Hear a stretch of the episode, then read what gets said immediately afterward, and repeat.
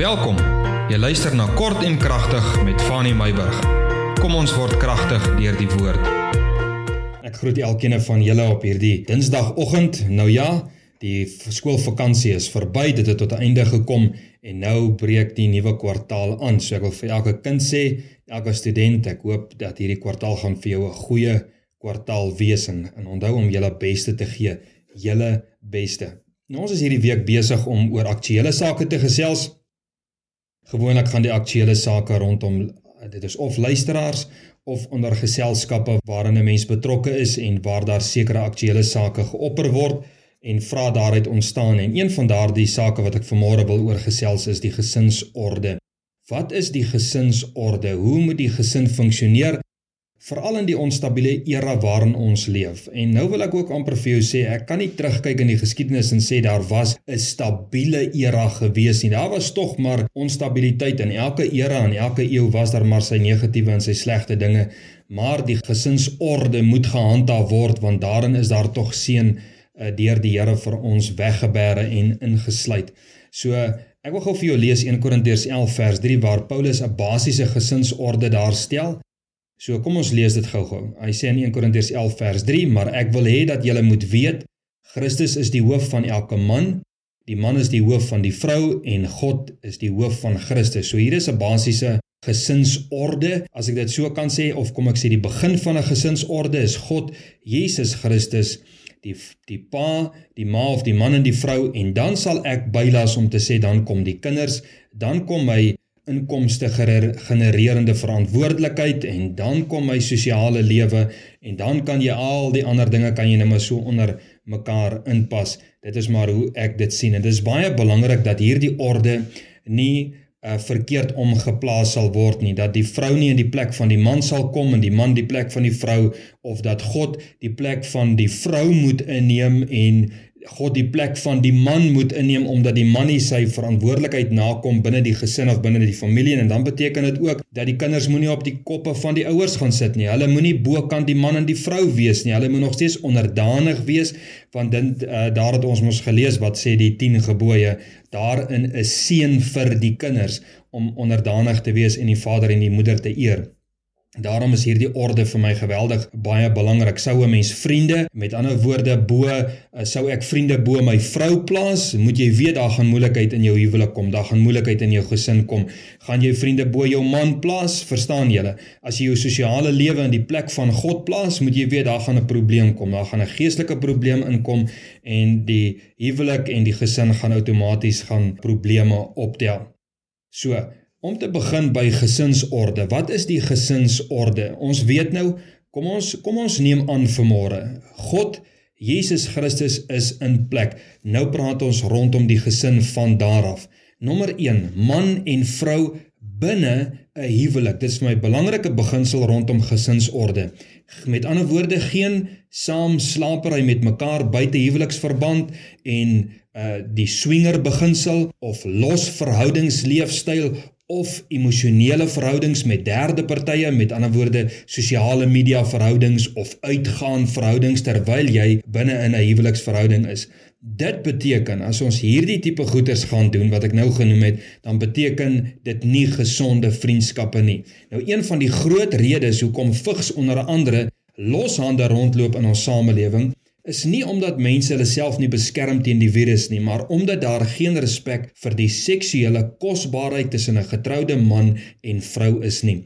Seksuele loslewensstyle met ander woorde, 'n huwelik is nie huis huis speel nie. Dit is 'n toewyding aan mekaar. Dit is die opneem van die verantwoordelikheid vir mekaar. So nommer 1 man en vrou binne 'n huwelik. Dit is die gesinsorde. Dis ook wat God voorstel. Ons het gister het, het ons daarna gekyk maandag met ander woorde. Tweede gedagte van gesinsorde. Kinders gebore vanuit hierdie huweliksorde. Baie belangrik. Maleagi sê dat dit God se gedagte met 'n huwelik is dat daar 'n geslag voorgebring sal word wat God sal vrees. Jy weet as 'n kind gebore word in die middel van die losbandige leefstyl van hulle ouers, is daar niks te bespeer van die vrees van God nie. En sulke ouers se nalatenskap is een van rebellie en 'n oordonderende voorbeeld van hoe om nie toegewyd aan mekaar te wees en dan nou ook om God nie te eer in julle leefstyl nie. Met ander woorde, jy mag dalk sê ek probeer vanmôre preek teen 'n windstorm want almal doen dit en niemand sal agslaan daarop nie. Maar dit bly die realiteit van die woord van God. Nommer 1 man en vrou binne 'n huwelik. Kinders wat gebore word vanuit hierdie huweliksorde. Nommer grootmaak van kinders binne daardie selfde orde. Met ander woorde, jou kinders grootmaak binne die huweliksorde omdat daar 'n pa en 'n ma is wat 'n verbond, 'n ooreenkoms met mekaar het en gesê het tot die dood ons skei. Dit is die voorbeeld wat hulle neerlê en dit is die waardes en die norms wat hulle binne hulle kinders dan sal inbou oor die grootmaak jare. So nommer 3, grootmaak van kinders binne daardie selfde orde. Ek wil vir jou sê vanmôre, Een van die vloeke van ons samelewing is die feit dat kinders meer as een ouerpaar het. En hoor mooi wat ek probeer sê, is nie as gevolg van goeie redes en omstandighede nie, maar juis omdat daar geen huweliksband tussen ouers is nie. Ouers sien net nie meer die verantwoordelikheid op hulle skouers om te sê ons moet trou en kinders hê nie. Hulle voel net hulle is dit is nie nodig om 'n huweliksband te hê nie. En daarom glo ek is dit een van die vloeke van ons samelewing dat kinders meer as een ouerpaar het. Hoekom? Omdat daar geen huweliksband is nie, kan paartjies gerieflik as die water warm raak in hulle verhouding uit een verhouding in 'n ander verhouding eenvoudig instap en die beste van alles is die kinders moet met paas opgeskeep sit wat hulle nie wil aanvaar en grootmaak as hulle eie nie en soms misbruik sulke paas kinders en dieselfde beginsel gaan ook met die maas wat byvoorbeeld die ander ma se kinders nie wil aanvaar nie maar die kinders bly vasgevang tussen hierdie 3 mense of tussen hierdie 4 mense of dalk later 5 mense en 6 mense wat paas en maas dit is so de mekaar storie Vir die kind is daar geen sekuriteit nie, vir die kind is daar geen stabiliteit nie. Die kind ervaar nie liefde nie al sê hierdie hordes paas en maas, daar is liefde, is dit nie die kind se ervaring en die kind se belewenis nie.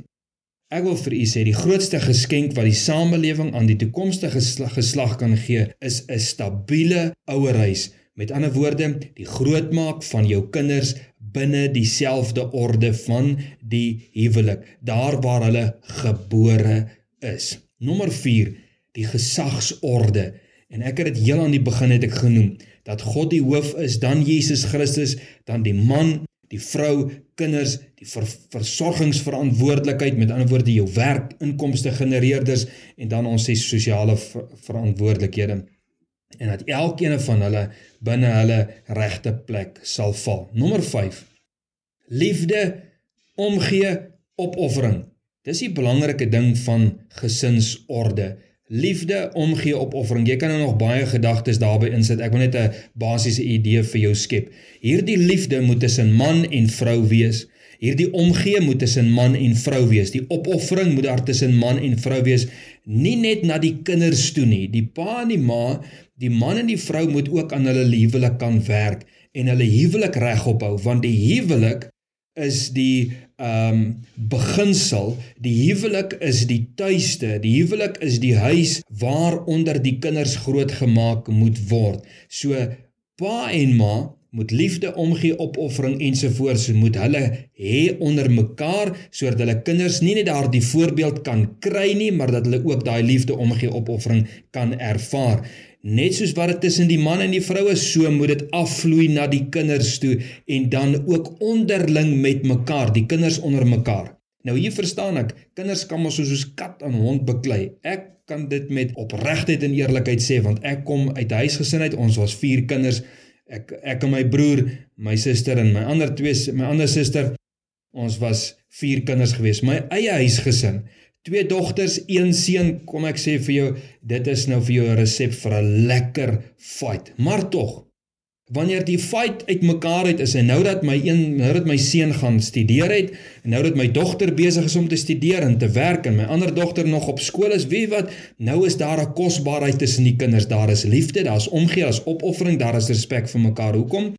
omdat dit daar was toe hulle in die huis almal bymekaar was al het hulle met mekaar gestry en beklei.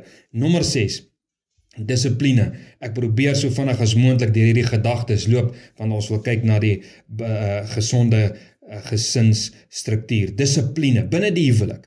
Binne die huwelik nommer 1 moet daar sosiale dissipline wees media dissipline, finansiële dissipline, geestelike dissipline, seksuele dissipline, Hierdie dissiplines moet daar wees. As ek praat van dissipline, beteken ek nie die man moet die vrou timmer nie, die vrou moet die man timmer en die man en die pa en die ma moet net die kinders timmer nie. Dis nie alwaaroor dit gaan nie. Dit gaan oor sosiale dissipline. Vriende moet hulle plek ken. Jy moet jou plek ken binne jou huwelik, binne jou gesinsstruktuur en die vriende moet daar uitbly in sekere tye en betrek word in sekere omstandighede. Dan moet media dissipline wees, die games, die uh, sosiale media ehm um, die die Facebook, die movies, al daai tipe dinge, dit moet hulle plek hê. Laat dit nie die plek inneem van liefde nie. Dis dissipline. Die derde gedag finansiële dissipline sodat daar finansiële orde kan wees. Geestelike dissipline sodat God op sy plek kan wees binne die huwelik, binne die gesin en dan seksuele dissipline. Ons het daaroor gesels. Ouers moet met liefde hulle kinders kan dissiplineer. Hoekom? Hulle moet leer wat is reg, verkeerd, aanvaarbaar en nie aanvaarbare gedrag nie. Dit moet hulle inge, ingeprent word.